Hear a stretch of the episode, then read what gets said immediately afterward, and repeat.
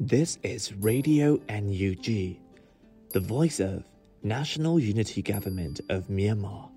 broadcasting for Myanmar Spring Revolution. Radio NUG is transmitting from shortwave 16 meter 17.71 megahertz at 8 a.m. and 25 meter 11.965 megahertz at 8 p.m. Myanmar Standard Time. မင်္ဂလာပါခင်ဗျာအမျိုးသားညီညွတ်ရေးအစိုးရရဲ့အတန်လွင့်ဌာန Radio NUG ကိုမနက်၈နာရီမှလိုင်းတို16မီတာ7.3 MHz ညပိုင်း၈နာရီမှလိုင်းတို25မီတာ17.665 MHz တို့မှာဓာတ်ရိုက်ဖမ်းယူနားဆင်နိုင်ပါပြီမင်္ဂလာအပေါင်းနဲ့ပြည့်စုံကြပါစေအခုချိန်ကစပြီး Radio NUG အစီအစဉ်တွေကိုဓာတ်ရိုက်အတန်လွှင့်ပေးနေပါပြီ။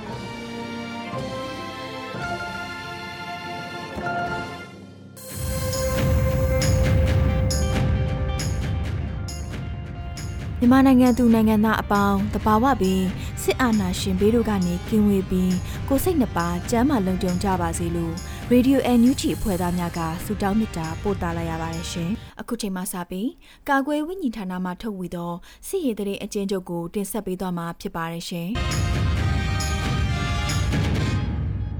ကာကွယ်ဝင်ကြီးဌာန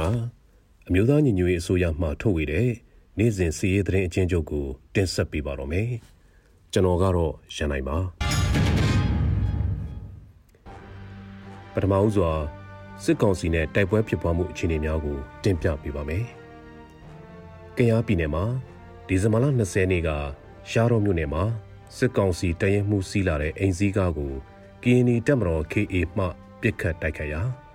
တရင်မှုအောင်ကိုကိုအပါဝင်စစ်ကောင်စီ၄ဦးသေဆုံးပြီးတဦးကိုအရှင်မိခဲ့တယ်လို့သိရှိရပါတယ်ခင်ဗျာ။ မွန်ပြည်နယ်မှာဒီဇင်ဘာလ22ရက်နေ့နေ့လယ်3နာရီခန့်ကတထုံမြို့နယ်ကော်လှိုင်းကြီးရွာနယ်ချောင်းပိနားကြားမှာနေမြေကျော်လာတဲ့စစ်ကောင်စီခမရ400ခွန်လှုပ်ရှားစစ်ကြောင်းကို KNL တပ်မဟာ1တရင်နှင့်တထုံမျိုးပြအထူးစစ်စင်တပ်ဖွဲ့ TDO မဟာမိတ်ပူးပေါင်းဖွဲ့များမိုင်းဆွဲတိုက်ခိုက်ခဲ့ရာစစ်ကောင်စီတပ်သား9ဦးသေဆုံးပြီး15ဦးထိခိုက်ဒဏ်ရာရရှိခဲ့ကြောင်းသိရှိရပါတယ်။ ဒီဇင်ဘာလ22ရက်နေ့မနက်10:00နာရီခန့်ကကြိုက်ထုံမြို့နယ်မော်ဘီကျေးရွာမှကြိုက်ထုံမြို့နယ်ဘက်ကိုမောင်းနှင်လာတဲ့စစ်ကောင်စီရိတ်ခါကားရှစ်စီးပါတဲ့ရင်နှန်းကိုကြိုက်ထုံမြို့နယ်ကျူချောင်းကျေးရွာနဲ့တရကုန်းကျေးရွာကြားမှာကြိုက်ထုံ KRF မှမိုင်းဆွဲတိုက်ခိုက်နိုင်ခဲ့ပြီးစစ်ကောင်စီကားတစ်စီးတိမ်းမှောက်သွားတယ်လို့သိရှိရပါတယ်ခင်ဗျာချင်းပြည်နယ်မှာ ဒီဇင်ဘာလ23ရက်နေ့ကမင်းတပ်မြို့ကိုစစ်ကောင်စီတပ်မှထိုးစစ်ဆင်လာတဲ့အတွက်စစ်ကောင်စီတပ်နဲ့ CDF မင်းတပ်တို့ထိတွေ့တိုက်ပွဲပြင်းထန်နေတယ်လို့သိရပါတယ်။ဒီဇင်ဘာလ20ရက်နေ့ကမင်းတပ်မြို့နယ်ခွီးရိန်ရွာမှာစစ်ကောင်စီတပ်နဲ့ CDF မင်းတပ်တို့ထိတွေ့တိုက်ပွဲဖြစ်ပွားခဲ့ရာစစ်ကောင်စီတပ်သား3ဦးသေဆုံးပြီး9ဦးဒဏ်ရာရရှိခဲ့ကြောင်းသိရှိရပါတယ်ခင်ဗျာ။ စကိုင်းတိုင်းမှာတော့ဒီဇင်ဘာလ22ရက်နေ့ည8:30မိနစ်30ချိန်ခန့်ကကလေးမြို့နယ်နတ်ချောင်းရွာကပြန်လာတဲ့စစ်ကောင်စီတပ်ကားကိုဇင်းကလင်းရွာအနီးမှာပြည်သူ့ကာကွယ်ရေးအဖွဲ့ကလေးမှမိုင်းခွဲတိုက်ခိုက်ခဲ့ရာစစ်ကောင်စီဗိုလ်မှူးတူလက်နဲ့မျက်နှာတို့မှာထိခိုက်ဒဏ်ရာရရှိခဲ့ပါတယ်။ဒီဇင်ဘာလ22ရက်ညနေပိုင်းကစင်ကူးမြို့နယ်လက်ပံလှမှကြောင်မြောင်းကိုဖျက်ပြီးရွှေဘူကိုသွားတဲ့စစ်ကောင်စီကား33စီးရင်တန်းကို ရွှေဘုံမြို့နယ်နဲ့အုံပေါင်မြို့နယ်ကြားမှာ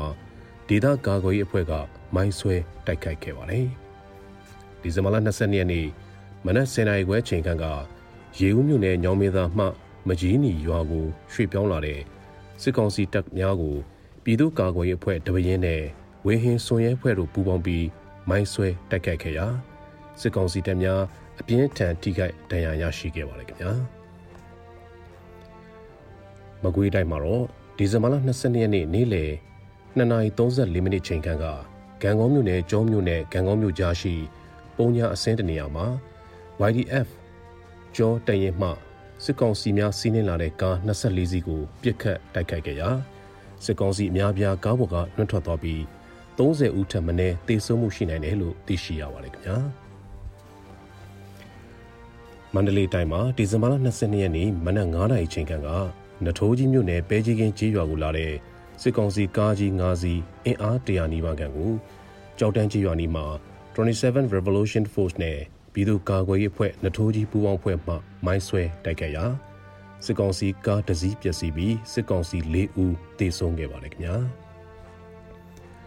တနင်္သာရီတိုင်းမှာတော့ဒီဇင်ဘာလ22ရက်နေ့ည9:00နာရီခန့်ကဒဝဲမြို့နယ်ပကာရီရွာနဲ့ရေဝိုင်းရွာကြားမှာစစ်ကောင်စီတပ်သားများလိုက်ပါလာတဲ့ ဗီဂိုကားတစ်စီးကိုဒဝဲ Tiger Force DTF ကမိုင်းဆွဲတိုက်ခိုက်ခဲ့တယ်လို့သိရှိရပါတယ်ခင်ဗျာဆက်လက်ပြီးစစ်ကောင်စီကကျူးလွန်တဲ့ရာဇဝတ်မှုများကိုလည်းတင်ပြပေးသွားပါမယ်ချင်းပြည်နယ်မှာဒီဇင်ဘာလ23ရက်နေ့ကမင်းတပ်မြို့နယ်ဝမ်မသူကျေးရွာရှိတိုက်နယ်စေယုံပေါ်ကိုစစ်ကောင်စီပစ်တဲ့လက်နက်ကြီးကြားရောက်ပေါ်ကွဲပြီးအထူးကအပျက်စီးကိုဆက်လက်စုံစမ်းနေတယ်လို့သိရှိရပါတယ်ခင်ဗျာမွန်ပြည်နယ်မှာဒီဇင်ဘာလ22ရက်နေ့နေ့လယ်2:30မိနစ်30ချိန်ခန့်က ပေါင်မြို့နယ်ရှိ NLD ပါတီပေါင်မြို့နယ်ပြည်နယ်လွှတ်တော်ကိုယ်စားလှယ်ဦးစောစောထူးရဲ့နေအိမ်ကိုစစ်ကောင်စီမှလာရောက်ချိတ်ပိတ်ခဲ့ပါတယ်။ဒီဇင်ဘာလ22ရက်နေ့ညနေ4နာရီခန့်ကကြိုက်ထုံမြို့မြောက်ပိုင်းရက်ကွက်ရှိကြိုက်ထုံမြို့နယ်ပြည်နယ်လွှတ်တော်ကိုယ်စားလှယ်နဲ့မွန်ပြည်နယ် NLD ပါတီဥက္ကဋ္ဌဒေါက်တာခင်ဆောင်ရဲ့နေအိမ်နဲ့စီကံကိုစစ်ကောင်စီကလာရောက်ချိတ်ပိတ်သွားတယ်လို့သိရှိရပါတယ်။ဒီဇင်ဘာလ22ရက်နေ့ည9:00နာရီချိန်ကကြိုက်ထုံမြို့ တောင်ပိုင်းရက်ကွက်ရှိနာရီအိမ်အိမ်မှာရဲကားလာတော့ကိုဖဲရိုက်လောင်းကစားပြုလုပ်နေသူများမြင်လဲရတဲ့အတွက်ထပြေးစဉ်ရဲများကတနက်နဲ့ပစ်ခတ်တဲ့အတွက်တောင်ပိုင်းတိုးချဲ့ရက်ကွက်နေအသက်32နှစ်အရွယ်ကိုကျော်မင်းခိုင်တည်ဆုံခဲ့ပြီးအမျိုးသားတူပေါင်မှာတနက်တန်ရာရရှိခဲ့တယ်လို့သိရှိရပါတယ်ခင်ဗျာရှမ်းပြည်နယ်မှာမေလ25ရက်နေ့ကမူဆယ်မြို့ NPL ဖုန်းဆိုင်မှာဖုန်းကာဗာဝယ်ယူနေစဉ် စစ်ကောင်စီများကလာရောက်ဖမ်းဆီးခံခဲ့ရတဲ့မိုင်းလုံသိန်းဦးကိုထောင်ထဲမှာ9လနီးပါးအကြာဒီဇင်ဘာလ20ရက်နေ့မှာထောင်ဒဏ်9နှစ်ချမှတ်ခံလိုက်ရပြီးပုံမှန်905နဲ့ထောင်ဒဏ်2နှစ်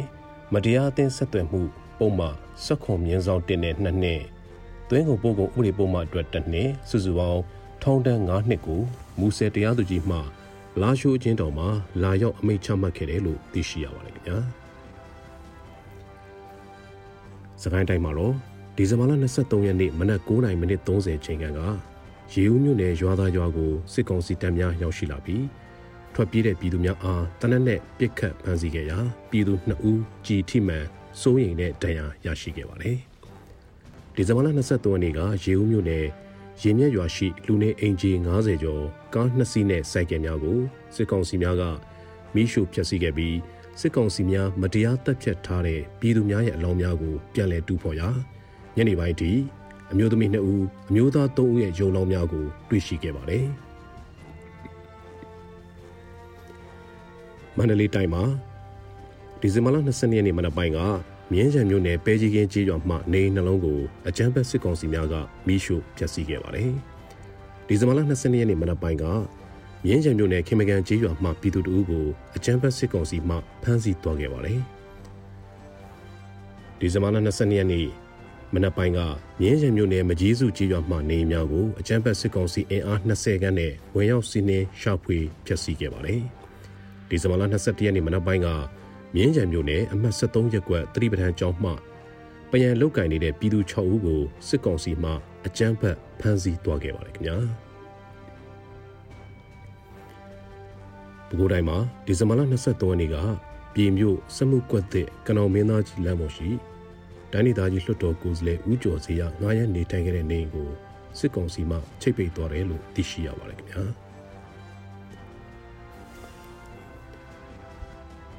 အေရောက်ရီတိုင်းမှာဒီဇင်ဘာလ23ရက်နေ့ကမိုးပင်မြို့မှာစစ်ကောင်စီရဲ့လိုက်လံဖမ်းဆီးမှုတွေကြောင့်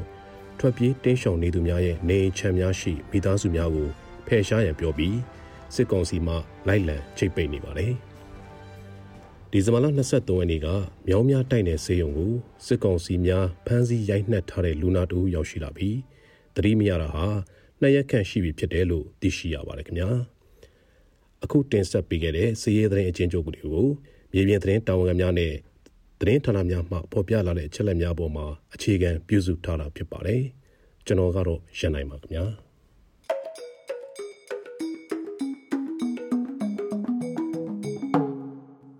NUG မှာဆက်လက်အတန်းလွှင့်နေပါတယ်။အခုဆက်လက်ပြီးပြည်တွင်းသတင်းများကိုຫນွေဦးမှုမှတင်ဆက်ပေးမှာဖြစ်ပါတယ်ရှင်။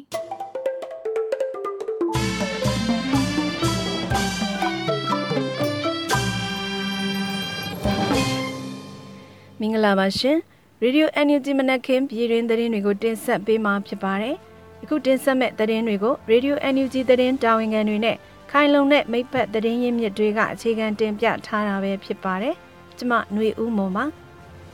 ပထမဆုံးတင်ဆက်ပေးမဲ့သတင်းကတော့လှဲကူမှာ CDM တူနာပြုတင်နန်းသူတဦးရဲ့နေအိမ်ချိတ်ပိတ်ခံရပြီး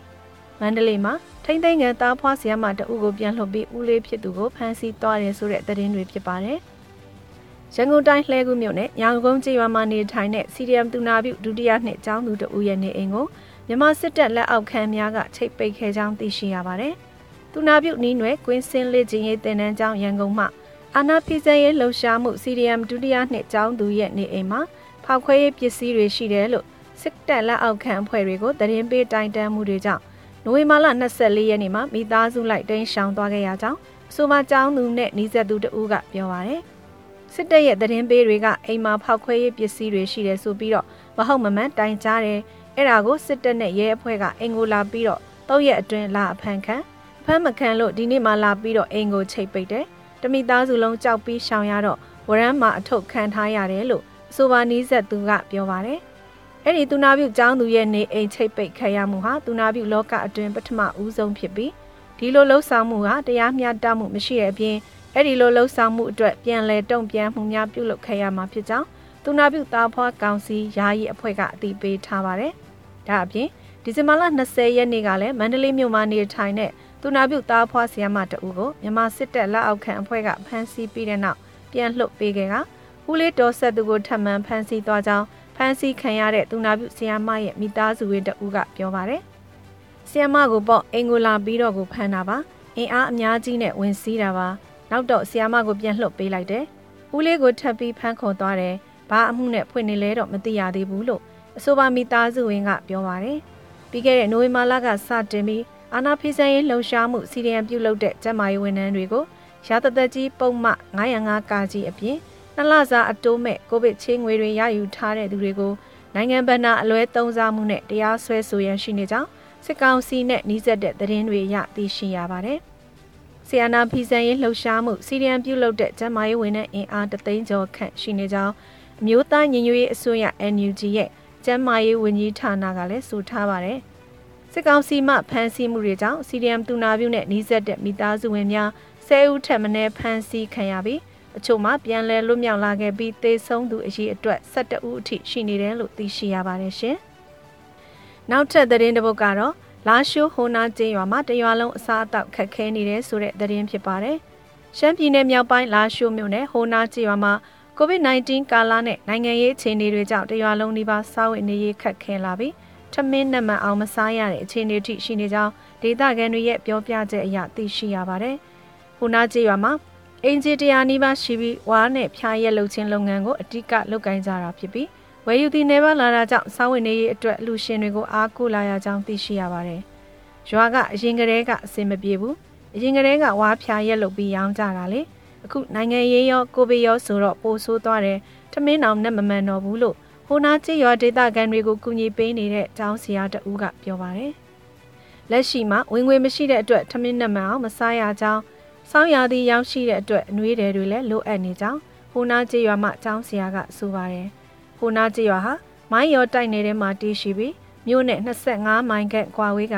လမ်းပန်းဆက်သွယ်ရေးလက်ခတ်ခဲမှုများစွာရှိကြောင်းသိရှိရပါတယ်။မြို့နဲ့ဝေးတဲ့လမ်းတွေလည်းစိုက်ကဲသွားလို့ရတဲ့လမ်းတွေပဲလမ်းလဲကျန်းတာပေါ့။ သူတို့ရွာကတောင်ပေါ်မှာရှိတာလေလမ်းတွေခတ်တယ်။အရင်ကရေတွေလည်းမရှိဘူး။အခုတော့အလူရှင်တွေနည်းနည်းရလာတော့တောက်ရည်တွေလည်းရရှိလာပြီလို့၎င်းကျောင်းဆရာကပြောပါတယ်။ဟိုနာကျေးရွာမှာအပေါ်ရွာနဲ့အောက်ရွာပေါင်းအင်ဂျီ100နီးပါးခန့်ရှိကြောင်းသိရှိရပါတယ်။ COVID-19 တတိယလိုင်းတန်နဲ့နိုင်ငံရေးအခြေအနေကြောင့်ပြည်သူများစာဝင်နေရေးခက်ခဲကြတဲ့အပြင်မြို့ပြနဲ့ဝေးတဲ့ခြေရွာများဒေသခံများဟာတာမန်ပြည်သူတွေထက်နှစ်ဆပိုမိုခက်ခဲကြက်တဲလာကြောင်းသိရှိရပါတယ်ရှင်။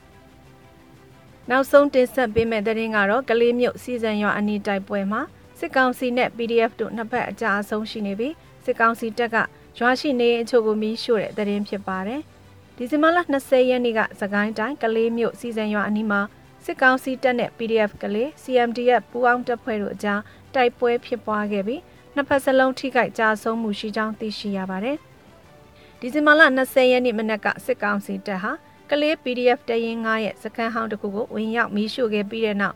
မနက်10:00နာရီခန့်မှာစီစံကျေးရွာအနောက်ဘက်ဆူတောင်းကုန်းအနီးမှာတိုက်ပွဲတစ်ကြိမ်မိုးလွဲ3နာရီခန့်မှာစီစံရွာအပြင်တင်းချိုင်းအနီးမှာတိုက်ပွဲတစ်ကြိမ်ဖြစ်ပွားခဲ့ကြောင်းကလေး PDF ကသတင်းထုတ်ပြန်ထားပါတယ်။အဲ့ဒီနောက်စစ်ကောင်စီတပ်ဟာစီစံရွာအတွင်းဝင်ရောက်တက်ဆွဲလိုက်ပြီးနေအိမ်နှလုံးကိုမီးရှို့ခဲ့ကြောင်းဒါအပြင်စစ်ကောင်စီတပ်ရဲ့လက်နက်ကြီးကြီးကြောင့်စီစံရွာမှနေအိမ်နှလုံးစင်းတို့ရွာမှနေအိမ်နှလုံးတို့မီးလောင်ပျက်စီးခဲ့ကြောင်းည ၈နာရီခန့်မှာရွာအတွင်းတက်ဆွဲထားတဲ့စစ်ကောင်စီတပ်ကိုတွားရောက်ပစ်ခတ်ရမှတိုက်ပွဲတစ်ကြိမ်ထပ်မံဖြစ်ပွားခဲ့ကြောင်းသတင်းထုတ်ပြန်ချက်ကဆိုပါတယ်။တိုက်ပွဲအတွင်းစစ်ကောင်စီတပ်မှ2ဦးကလေး PDF တရင်6တပ်ဖွဲ့ဝင်2ဦးတို့သေဆုံးခဲ့ကြောင်းကလေး PDF တပ်ဖွဲ့ဝင်2ဦး CMDF တပ်ဖွဲ့ဝင်2ဦးတို့ထိခိုက်ဒဏ်ရာရရှိခဲ့ကြောင်းသိရပါတယ်။လက်ရှိမှာစီဇန်ရွာအပါအဝင်အ ਨੇ ဆုံးရွာ6ခုမှဒေသခံပြည်သူတွေဟာ ဘေးလွရာကိုထွက်ပြေးတိမ်းရှောင်နေကြရကြောင်းဒေသခံအချို့ထံမှသိရှိရပါတယ်ရှင်။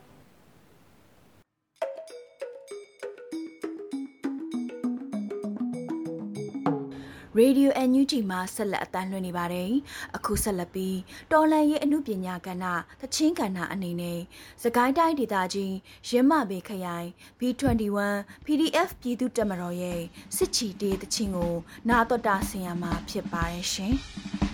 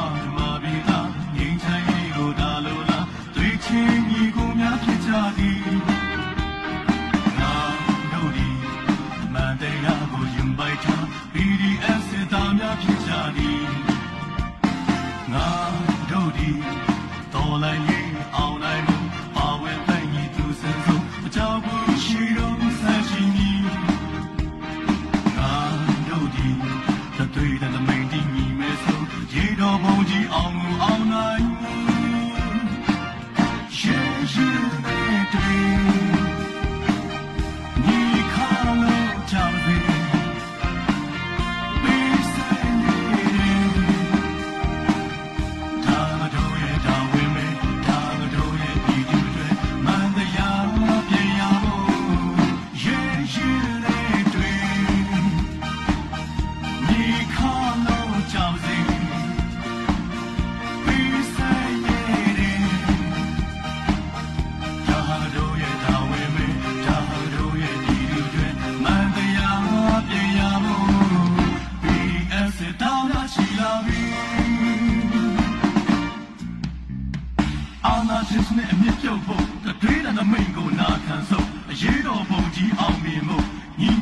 要记得说。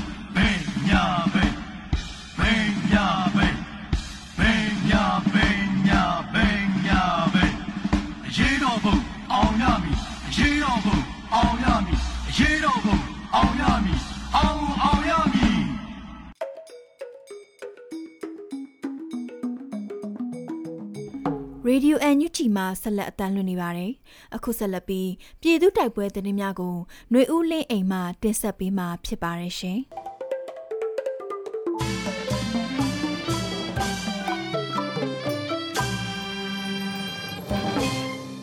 ပထမဆုံးအနေနဲ့ပေါင်းမြို့နယ်တရက်ကန်ရဲစခန်းကို short တိုက်တုံးဖြင့်ပစ်ခတ်မှုမှာစစ်သား3ဦးသေဆုံးပြီးဂန်ဂေါတွင်စစ်ရင်နှံမိုင်းဆွဲခံရပြီးလောင်ချဖြင့်ထုခံရ၍စစ်သား30ကျော်တေနိုင်တယ်ဆိုတဲ့သတင်းကိုတင်ဆက်ပေးမှာပါ။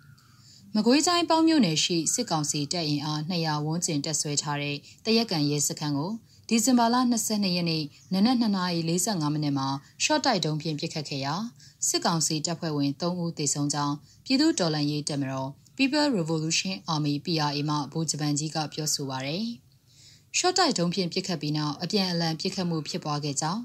အဆိုပါတိုက်ခိုက်မှုကိုပြည်သူ့တော်လှန်ရေးတပ်မတော် PRA,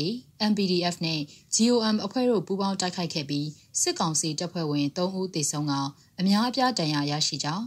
တော်လှန်ရေးတပ်ဖွဲ့ဝင်များအားလုံးအထီးကိုက်မရှိပြန်လည်ဆုတ်ခွာနိုင်ခဲ့ကြောင်းသိရှိရတာပါ။အလားတူမကွေးတိုင်းကြော်မြို့နဲ့ဂံကုန်းမြို့ကြားပုံညာအစင်းတနေရာတွင်အကြမ်းဖက်စစ်ကောင်စီတပ်ဖွဲ့ဝင်များစီးနင်းလာတဲ့ကား24စီးကိုဒီဇင်ဘာ22ရက်နေ့မွန်းလွဲ2:34မိနစ်မှာမိုင်းရှစ်လုံးလက်လုံလောင်ချ၄ချက်နဲ့ပစ်ခတ်တိုက်ခိုက်ခဲ့ကြောင်း Your Defense Force ကြောကသတင်းထုတ်ပြန်ပါတယ်။အဆိုပါတိုက်ခိုက်မှုတွင်အကြမ်းဖက်စစ်ကောင်စီတပ်ဖွဲ့ဝင်အများအပြားကားပေါ်မှလွင့်ထွက်ပြီး30ဦးကျော်သေဆုံးနိုင်တယ်လို့ထုတ်ပြန်ချက်မှာပါရှိပါတယ်။တော်လန်ရေးဆင်နွှဲတဲ့ YDF KYAQ တပ်ရင်းစနစ်မှတပ်ဖွဲ့ဝင်များထိခိုက်ဒဏ်ရာရရှိမှုမရှိဘဲစုခွာနိုင်ခဲ့တယ်လို့သတင်းထုတ်ပြန်ချက်မှာဖော်ပြထားပါတယ်။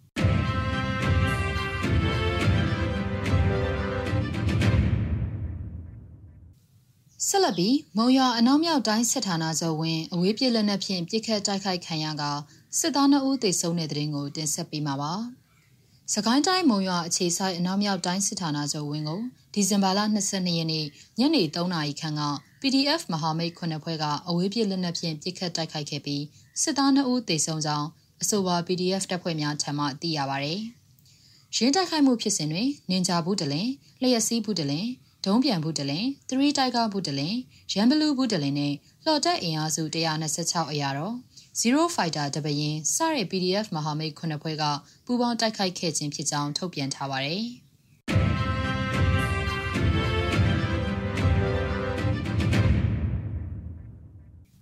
ရှားရောမြို့နယ်အတွင်းစစ်ကောင်စီရဲ့နေမြေကန်တပ်ရင်းမှုစီးလာတဲ့ကားကိုကရင်နီတပ်မတော်ပစ်ခတ်တိုက်ခိုက်လို့တပ်ရင်းမှုအောင်ကိုကိုအပါအဝင်၄ဦးသေဆုံးပြီးတအူးအရှင်ဖမ်းမိတဲ့ဆိုတဲ့သတင်းကိုဆက်လက်တင်ဆက်ပေးမှာပါ။ကယားကရင်ပြည်နယ်ရှားရော့မြို့နယ်နေမြေကန်တရင်မှတရင်မှုစီးလာတဲ့အိမ်စီကားကိုကရင်နီတက်မတော် KE ကဒီဇင်ဘာလ20ရက်နေ့မှာပြစ်ခတ်တိုက်ခိုက်ခဲ့ရာ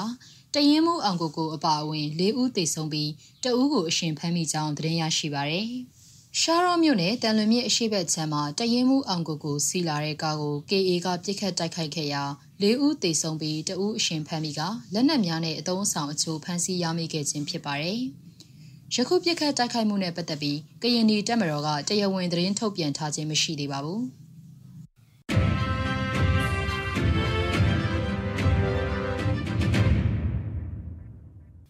နောက်ဆုံးအနေနဲ့အမျိုးသားညီညွတ်ရေးအစိုးရပြည်ထောင်ရေးနဲ့လူဝင်မှုကြီးကြပ်ရေးဝန်ကြီးဌာနကဒီဇင်ဘာ23ရက်ရက်စွဲနဲ့ထုတ်ပြန်တဲ့ပြည်သူ့ခုခံတော်လှန်ရေးသတင်းအချက်အလက်တွေကိုတင်ဆက်ပေးသွားမှာပါ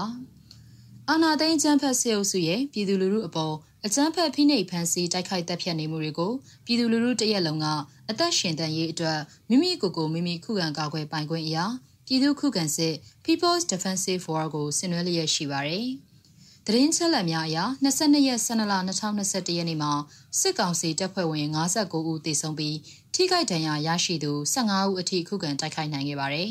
။ဆရာနာရှင်စနစ်မြမမြေပေါ်မှာအပိတိုင်ချုပ်ငြိမ်းရေးနဲ့ Federal Democracy တည်ဆောက်ရေးအတွက်ငြင်းချမ်းစွာဆန္ဒပြတဲ့လူလူသပိတ်တိုက်ပွဲများကပြည်내နဲ့တိုင်းဒေသကြီးများမှာဖြစ်ပွားပေါ်ပေါက်လျက်ရှိပါတယ်။မြေပြင်မှာယခုတွေ့ရတဲ့သတင်းအချက်အလက်များထက်ပို၍ဖြစ်ပွားနိုင်ပါတယ်ရှင်။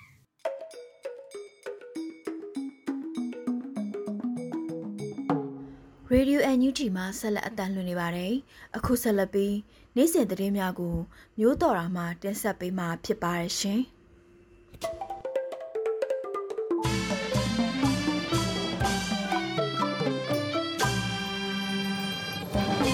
လလေးကိတ်ကောတိုက်ပွဲကြောင့်စစ်ဘေးရှောင်နေရတဲ့ပြည်သူတွေကိုဒီဇင်ဘာလ22ရက်နေ့အထိငွေကျပ်3900ဖို့လှူဒန်းပြီးဖြစ်တယ်လို့အမျိုးသားညီညွတ်ရေးအစိုးရကထုတ်ပြန်တဲ့သတင်းကိုတင်ဆက်ပေးကြပါမယ်။ KNU နယ်မြေအတွင်းဆက်လက်ဖြစ်ပွားနေတဲ့တိုက်ပွဲတွေကြောင့်ထိုင်းမြန်မာနယ်စပ်တောင်ရင်းမြစ်ကမ်းကိုရောက်ရှိလာတဲ့စစ်ဘေးရှောင်ပြည်သူအရေးအတွက်ဟာတနေ့ထက်တနေ့တိုးလာနေပါတယ်။ဒီစစ်ပေးရှောင်တွေအတွက်အရေးပေါ်လိုအပ်နေတဲ့စားနပ်ရိက္ခာစောင်နဲ့အခင်းအကာတွေကို အမျိုးသားညီညွတ်ရေးအစိုးရလူသားချင်းစာနာထောက်ထားရေးနဲ့ဘေးအန္တရာယ်ဆိုင်ရာစီမံခန့်ခွဲရေးဝန်ကြီးဌာန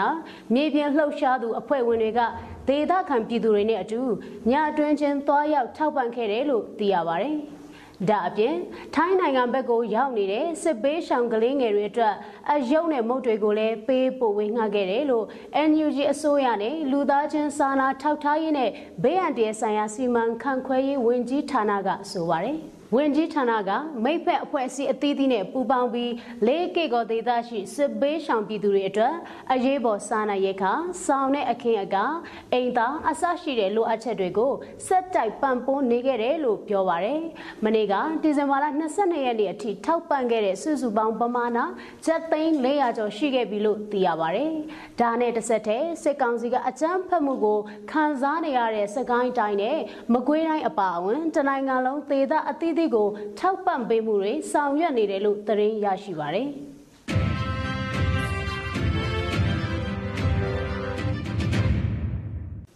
အမတ်တင်စစ်သေးသားစစ်မေတွေကစစ်မေတို့ခုခံစစ်တွင်ပါဝင်မှုဖြင့်ဒေါ်လှန်ရေးမုတ်ချအောင်ရမည်လှုပ်ရှားမှုတစ်ခုပြုလုပ်ခဲ့တဲ့တရင်ကိုဆက်လက်တင်ဆက်ပေးချင်ပါတယ်။ အမျိုးသားညီညွတ်ရေးအစိုးရကာကွယ်ရေးဝန်ကြီးဌာနအမှတ်၁စစ်သေးတာကစစ်ထောက်တာဝန်ကနဲ့ရုံးအဖွဲ့ဝင်စစ်မေတွေကစစ်မေတို့ခုခံစစ်တွင်ပါဝင်မှုဖြင့်တော်လှန်ရေးမုတ်ချအောင်ရမည်ဆိုတဲ့စာရန်ကိုကင်ဆွဲကလှုပ်ရှားမှုတရက်ပြုလုပ်ခဲ့ကြပါတယ်။ အဆိုပါလှုပ်ရှားမှုဟာຫນွေဦးတော်လိုင်းရေးတလျှောက်ရှေ့တန်းကနေရဲဝံတက်ကြွစွာပါဝင်ခဲ့ပါဝင်လျက်ရှိကြတဲ့အမျိုးသမီးထုကိုဂုံပြူလဲယခုဆင်နွှဲနေတဲ့ပြည်သူခုခံတော်လိုင်းရေးစစ်မှလဲပြည်သူကာကွယ်ရေးတပ်မတော် PTF အမျိုးသားရဲဘော်တွေနဲ့အတူအမျိုးသမီးစစ်မေတွေရင်ပေါင်တန်းပါဝင်နေလျက်ရှိကြောင်းပြသတဲ့လှုပ်ရှားမှုဖြစ်တယ်လို့ဆိုပါတယ်။ ဒီလှုပ်ရှားမှုနဲ့အတူအမျိုးသမီးထုကိုလည်းပြည်သူခုခံတော်လှန်ရေးစစ်အောင်မြင်ဖို့အတွက်မိမိတို့တက်ဆွမ်းတဲ့အင်အားအသက်ပညာတွေနဲ့ပါဝင်ဝန်းရံပေးကြရန်တိုက်တွန်းထားတာကိုတွေ့ရပါတယ်။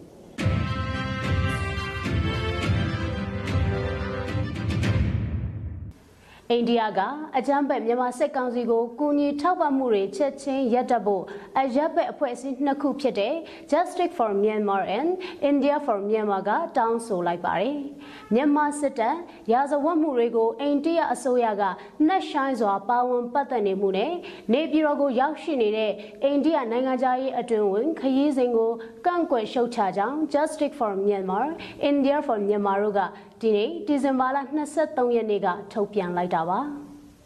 နိုင်ငံသားရေးဝန်ကြီး Hart Vardhan Shringla ၏မြန်မာနိုင်ငံခရီးစဉ်သည်စိတ်ကောင်စီအားတရားဝင်မှုပေးနေခြင်းပင်ဖြစ်တယ်လို့ Justice for Myanmar ကဆိုပါရယ်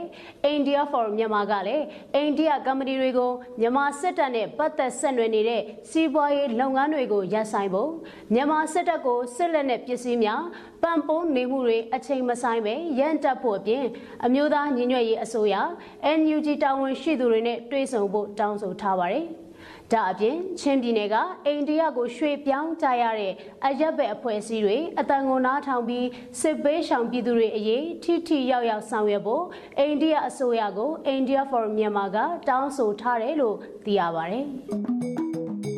ဒီကနေ့ကတော့ဒီညနေပဲ Radio NUG ရဲ့အစီအစဉ်တွေကိုခਿੱတရနာလိုက်ပါမယ်မြမစံတော်ချိန်မနက်၈နာရီနဲ့ညနေ၈နာရီအချိန်တွေမှာပြန်လည်ဆုံတွေ့ကြပါစို့ Radio NUG ကိုမနက်၈နာရီမှလိုင်းတို16မီတာ7.7 MHz ညပိုင်း၈နာရီမှလိုင်းတို25မီတာ17.665 MHz တို့မှာဓာတ်ရိုက်ဖမ်းယူနားဆင်နိုင်ပါပြီ။မြန်မာနိုင်ငံသူနိုင်ငံသားများကိုစိတ်နှပြကျန်းမာချမ်းသာလို့ဘေးကင်းလုံခြုံကြပါစေလို့ Radio NUG အဖွဲ့သူအဖွဲ့သားများကဆုတောင်းလိုက်ရပါတယ်။အမျိုးသားညီညွတ်ရေးအစိုးရရဲ့စက်သွယ်ရေး တရင်အချက်အလက်နဲ့ဤပညာဝန်ကြီးဌာနကထုတ်လွှင့်နေတဲ့ Radio NUG ဖြစ်ပါတယ်။စ San Francisco Bay Area အခြေစိုက်မြန်မာမိသားစုများနဲ့နိုင်ငံတကာကစေတနာရှင်များလှူအားပေးများရဲ့ Radio NUG ဖြစ်ပါတယ်။အရေးတော်ပုံအောင်ရမည်။